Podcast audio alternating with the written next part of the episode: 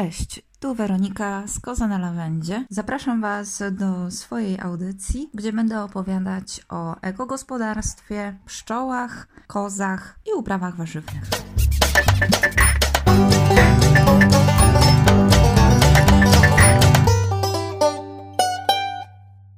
Dzisiaj będziemy mieli specjalną rozmowę i specjalnego gościa. Bardzo ciekawy temat nam się szykuje. Dużo o niego pytaliście i prosiliście, także przed Wami mam Daniela i będziemy dzisiaj rozmawiać o pszczołach. Dzień dobry Danielu. Cześć. Powiedz o sobie coś trochę, przedstaw się. Powiedz, jak długo zajmujesz się pszczołami? Pszczołami zajmuję się ogólnie od 6 lat. Tak się zapaliłem niechcący w sumie, bo zacząłem, w sumie pomagałem mojej mamie tam wyremontować trochę uli.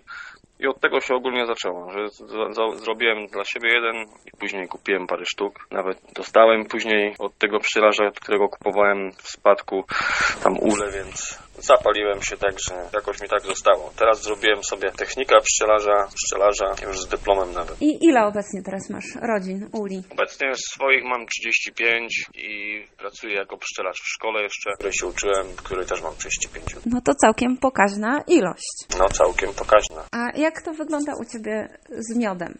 Zanim przejdziemy do całego procesu opisywania, jak powstaje miód, to powiedz mi, ile masz miodu? Dużo, mało i co to znaczy dużo?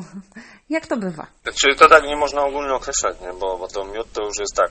Najpierw mm, zależy jak przygotujemy rodzinę. Druga sprawa, pierwsza sprawa w sumie nawet bym powiedział, bo to jest pogoda, tak?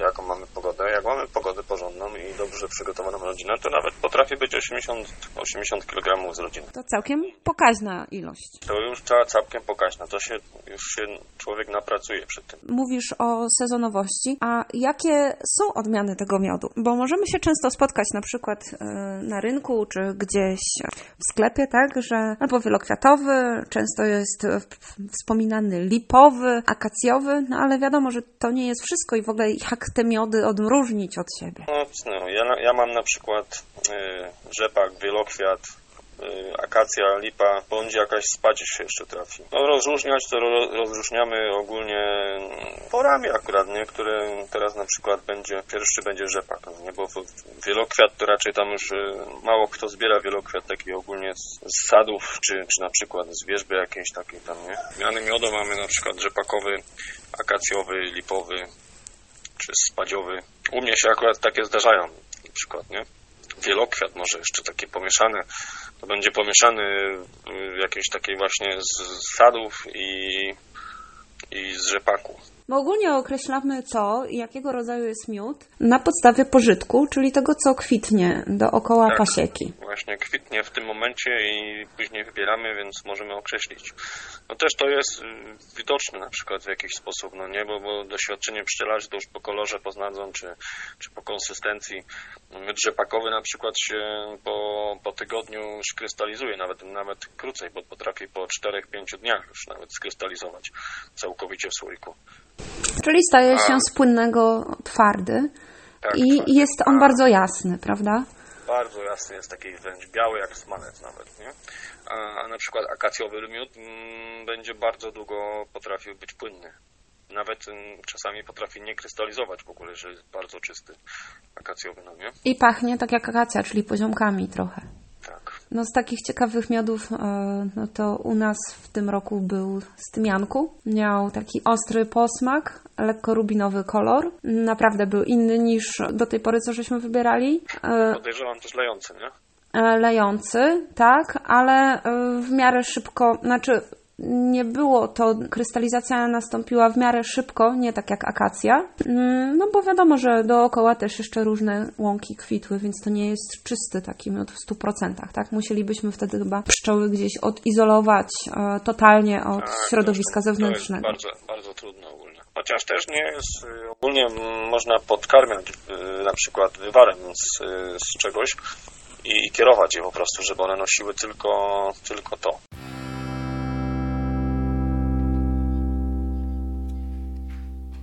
Jeszcze póki jesteśmy przy temacie miodu, powiedz, Jak można rozpoznać prawdziwy miód od tego nieprawdziwego, od tego, co pseudomiodem nazywamy? Bo ludzie często myślą, że miód, który jest w słoiku, jest skrystalizowany, tak? I jeszcze do tego są gdzieniegdzie takie białe zacieki powietrza, e, po prostu zamknięte w trakcie tej krystalizacji, że to jest miód, który, gdzie pszczoły były karmione cukrem. No i Nie, przede wszystkim ludzie się.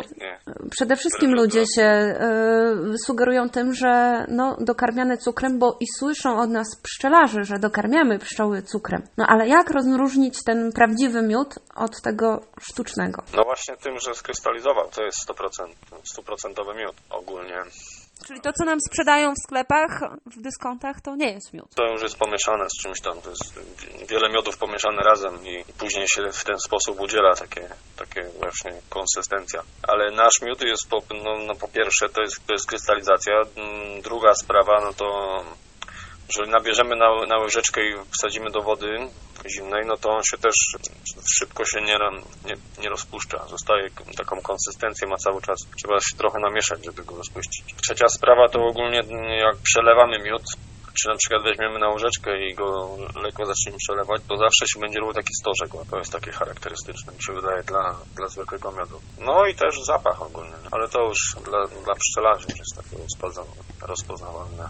No chyba, że ktoś jest wybitnym amatorem miodu, to będzie też potrafił określić. Też będzie potrafił określić.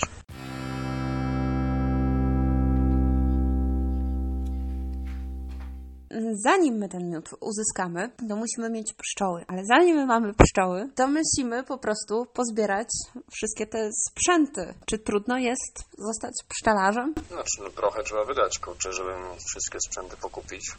No ale też to nie jest możliwe. No, tak, znaczy, też nie jest to niemożliwe, więc najlepiej to mm, na początku się zgadać z kimś, z jakimś pszczelarzem z okolicy, który, który pomoże ewentualnie, który, który wesprze na przykład miodarką, bo to jest w sumie naj, na, najdroższe. A miód nie jest taki, ten y, ul nie jest drogi ogólnie, nawet można kupić na początek, to można kupić od kogoś stare ule, z pięć sztuk na przykład i, i sobie jakiś czas na tych starych ulach po, popszczelarzyć. Czasem sobie dokupować nowe, czy, czy, czy wprowadzać jakieś swoje tam swoje ule, które samemu się zrobi, czy coś takiego, nie? No dobra, no to mamy teraz e, stare ule, zgadaliśmy się z jakimś pszczelarzem. Kolejną rzeczą jest to, co ja uważam, żeby znać cykl rozwojowy pszczoły, bo o to się wszystko chyba opiera. Jak wygląda coś takiego? Jak wygląda, przebiega cykl e, rozwojowy pszczoły? Cykl rozwojowy pszczoły. W ogóle to musimy też, dobrze by było sobie jakąś książkę sobie przeczytać w ogóle o tym, żeby chociaż wiedzieć, co w ogóle zacząć robić, no nie? No, ale no cykl rozwojowy pszczoły, co możemy powiedzieć? Od początku, jak ona tylko wychodzi, wygryzie się, bo ona się wygryza z komórki, no to mamy tam pierwsze trzy dni to ona sprząta. Czyści komórki, samą siebie i ogrzewa czerw przez, przez te pierwsze trzy dni, no nie? Potem od, od 3 do 6 dni będzie karmiła starszy, starszy czerw i odbierała, i odbierała miód od, yy, zajmuje się odbieraniem nektaru. Zbiera pyłek, ubija, czyści ul, później będzie budować plastry. Widać, że naprawdę podział mają tak, tak fajnie zrobiony, że to wszystko przebiega, a najlepsze jest to, że w ogóle one same wiedzą, co mają robić. No i powiedz, ile tak naprawdę dni pszczoła zbiera miód, tak? Bo mm, nam się wydaje, że cały ul, kiedy jest w pszczołach, i tych pszczół jest tam między 50 a 80 tysięcy w ulu w szczycie, prawda? Tak naprawdę te, które zbierają e, dla nas ten miód, dla siebie, to jest tylko malutki wycinek z ich życia, ten Tak, okres. to jest ogólnie od, od 20 dnia do końca życia praktycznie, czyli tak długo, jak, jak jej będą starczyły skrzydła, tak długo będzie latać po ten miód. Średnio przyjmujemy, że to jest y, 7 a 10 dni, prawda? Tak, bo pszczoła gdzieś około 30 dni żyje. Dłużej, dłużej już, no chyba te, że te, że te, które mamy na, na jesień w ulach, ale te, które mamy na wiosnę, które nam pracują w ogóle w ulach na, na ten, to one żyją do 30 dni.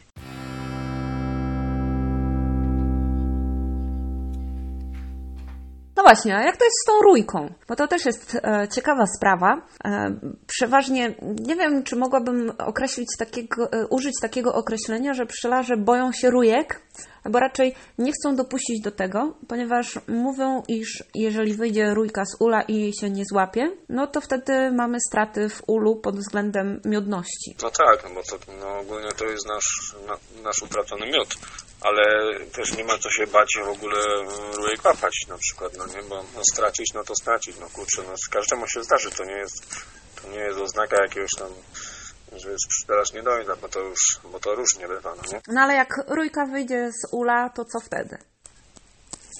No co wtedy? Trzeba złapać po prostu. No, najlepiej wykorzystać jakąś, e, jakąś runicę, czy, czy, czy jakąś skrzynkę, czy nawet ewentualnie worek, złapać i, i osadzić na plastrach w, w ulu, no nie? Czyli tworzymy nową rodzinę.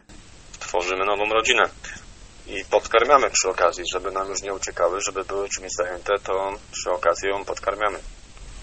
No okej, no ale jak mamy taką rójkę, to co z tą królową? Bo tak naprawdę ona dowodzi nam całym ulem i to jest pełen sukces, kiedy jest matka, która składa jajeczka i rozmnaża nam całą rodzinę.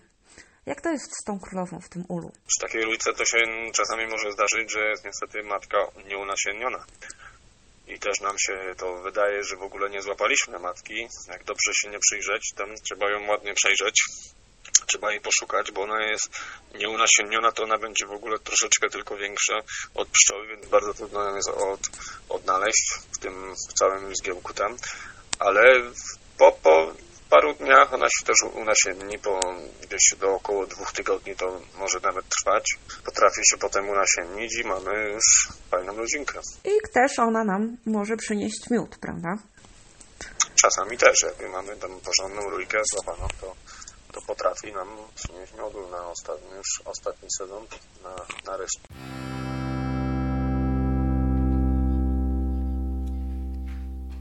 Mówisz o unasiennieniu i nieunasiennieniu. Jeszcze jest coś takiego jak inseminacja. E, Jak to jest z tymi pszczołami? Ponieważ my jak kupujemy, jak jest sezon, kupujemy nowe pszczele matki z opalitkami, czyli znakowane odpowiednim kolorem, są też numery, żeby było nam na przykład prościej pszczelarzom wyszukiwać, robić przeglądy, jak mamy więcej uli, co też polecane jest dla osób, które zaczynają swoją przygodę, bo po prostu łatwiej jest znaleźć matkę, prawda? Jak niewprawne oko no jest To, to- to, to ułatwia.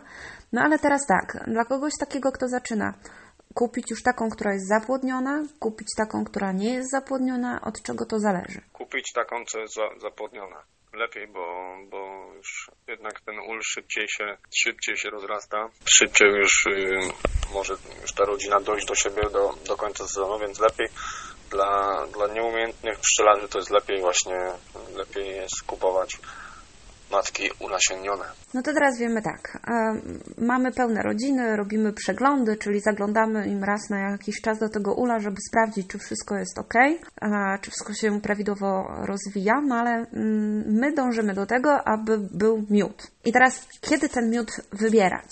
Kiedy miód wybierać? No miód wybierać wtedy, kiedy są ramki za, zasklepione. Wtedy mamy 100%, stuprocentową pewność, że, że to jest dobry miód, że on, jest, że on ma parowaną wodę.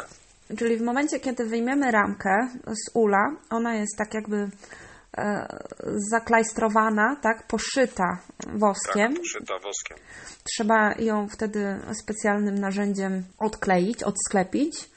Od sklepiaczem takim, tak. Tak. e, I wtedy dopiero można wirować sobie ten miód, bądź wyciskać.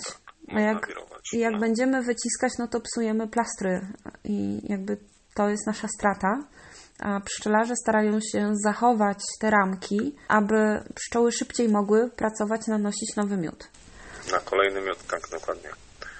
Ale też, mm, jeżeli mamy barcie na przykład, bo możemy też na barciach mieć pszczoły, no to wtedy wyciskamy, bo, bo kawałek plastra i musimy tam z niego wycisnąć. I to też jest y, pewnego rodzaju y, taka innowacja i inny miód, bo wtedy w barci nie wyciągamy im wszystkiego i możemy tylko y, pożywić się dla nas jakby maleńką częścią tego. Ponieważ w, z- Barcie wybieramy raz w roku tylko.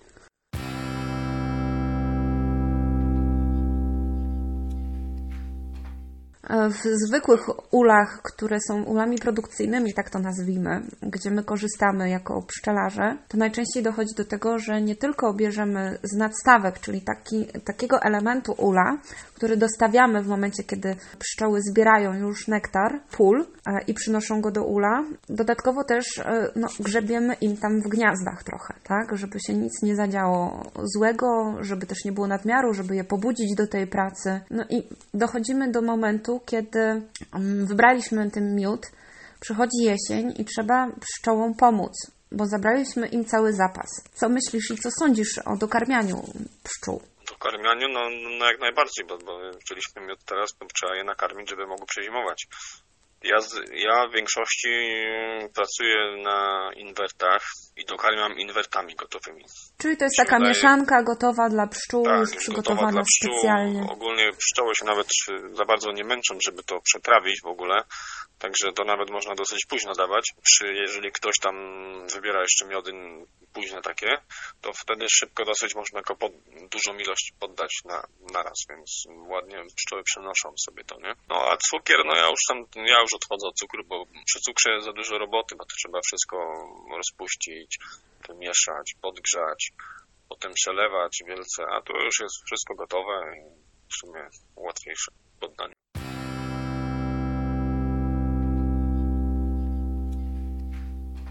No to skoro znamy teraz tak jak, jaki jest cykl rozwojowy pszczoły, skąd się bierze miód, no powiedz trochę jak wygląda sam ul. Bo my tak rzucamy tu hasłami ramka, y, węza, czasem się pojawi odsklepiacz, coś tam. Mm, podejrzewam, że większość naszych słuchaczy nie ma pojęcia, y, co służy do czego. Więc może zacznijmy od tego, z czego zbudowany jest ul i zaczniemy od dołu, od podstawy. Od dołu, czyli od dennicy dół to jest dennica ogólnie. Później mamy korpus, czyli na przykład rodnie, bo to będzie nasza rodnia, ta, ta dolna. No gniazdo też tak nazywamy. Gniazdo, tak, tak. Gniazdo rodnia, nie? Później to możemy mieć kratę odgrodową, możemy to wszystko odgrodzić kratą odgrodową, tak żeby nam matka nie przechodziła po prostu wyżej do miodni, czyli następnego korpusu. I teraz mamy, Później. korpus może być cały, czyli takiej samej wielkości tak, jak jest... właśnie możemy mieć cały, albo możemy mieć po prostu połówki włożone, tak? Czyli półnadstawki tak zwane. Mm, co dają takie półnadstawki? To jest tam, jeżeli ktoś ma właśnie, chce szybciej miód wybrać, to są na przykład na, na, na, takie właśnie wczesne miody, albo, albo na przykład jak ktoś ma taki słaby pożytek, jest na przykład lipę, ma tam, nie wiem, z pięć drzew koło siebie tylko, no to też można sobie tak właśnie założyć taką półnadstawkę wtedy, no i szybciej się wybierze ten, ten miód, bo one szybciej go zasklepią i będzie można szybciej go odebrać. A przy całej ramce to one czasami potrafią nie donieść i, i, dużo potem zjedzą przez to, że on długo będzie otwarty, bo, bo będziemy jeszcze myśleć, że jest jeszcze niedobry, bo jeszcze nie zasklepiony. Będziemy czekać, czekać, a to się potem okaże, że w sumie wybraliśmy tylko tę część. Nad e, miodnią bądź nad rodnią zależy od tego, jaka jest pora roku. E, mamy powałkę.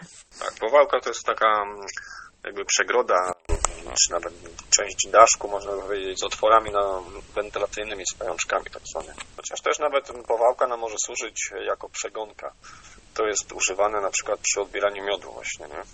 Zakłada się tam specjalny taki, taki plastik, przez który mm, pszczoły tylko przechodzą w jedną stronę, co nam da opróżnienie właśnie na przykład miodni przez pszczoły i one już tam nie wejdą z powrotem, więc mamy już jakby czystsze ramki do wybierania miodu. Jakoś tak nam szybciej to idzie, bo, bo nie musimy się męczyć zamiataniem dużo pszczół, nie? Mniej y, stresu i dla pszczół, i dla pszczelarza. Tak, i mniej, mniej stresu dla... To jest szczególnie polecane, kiedy mamy dużą pasiekę i tak, kipisz się robi. przy dużych pasiekach. Mhm. Też więc już nie trzeba tyle potem się męczyć z tym, tylko o, przy, przy wielkopolskich to tak do końca nie chce działać, no nie? Ale jak są mniejsze, mniejsze ramki, to bardzo ładnie działa, nie? No i na samej górze jest daszek. Daszek mamy, kończymy ul daszkiem obu. I teraz powiedz mi, e, bo są, już wspomniałeś o ramce, że Wielkopolska, są różne typy uli i te typy uli są na podstawie ramek przede wszystkim e, kategoryzowane, prawda? Tak, wielkością ramki właśnie, że każdy ul ma swoją ramkę, czyli mamy na przykład tam największe to mamy dodanty, później mm, warszawskie, są też poszerzane, nieposzerzane Wielkopolski, później mamy, możemy przejść na połówki ogólnie, bo teraz już jest w sumie dosyć dużo się porobiło tych uli, także jest, już teraz jest wybór dosyć w tych, w tych, w tych rodzajach ula. że mamy, mamy już w czym wybierać.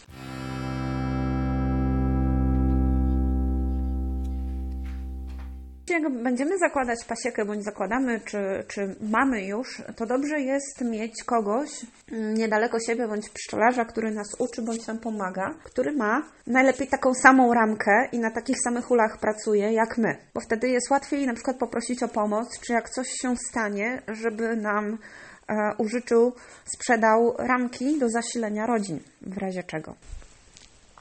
No więc przez to właśnie jest lepiej na przykład też, y, jeżeli się kupuje ule wtedy dla siebie, no to jest zacząć od pięciu rodzin przynajmniej, no nie?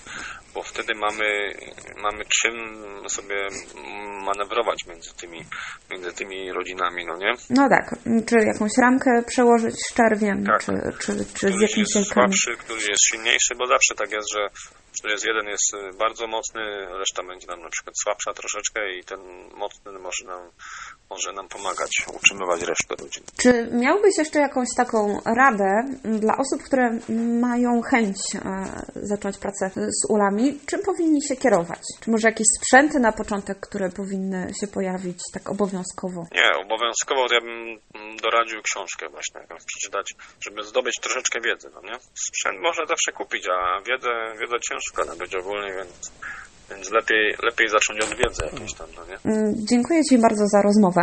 Liczę na to, że jeszcze porozmawiamy sobie. Liczę też na pytania od naszych słuchaczy odnośnie miodów i nie tylko, i pszczół. E, Ciekawi mnie temat barci, który my sobie między nami tutaj już żeśmy wspominali. Mam nadzieję, że to też zostanie u mnie w audycji rozwinięte. No możemy kiedyś właśnie porozmawiać nawet na ten temat. Ja bardzo chętnie, niech słuchacze też dadzą znać. A ja Tobie ślicznie dziękuję za rozmowę i Dziękuję bardzo. niebawem do usłyszenia. Do usłyszenia.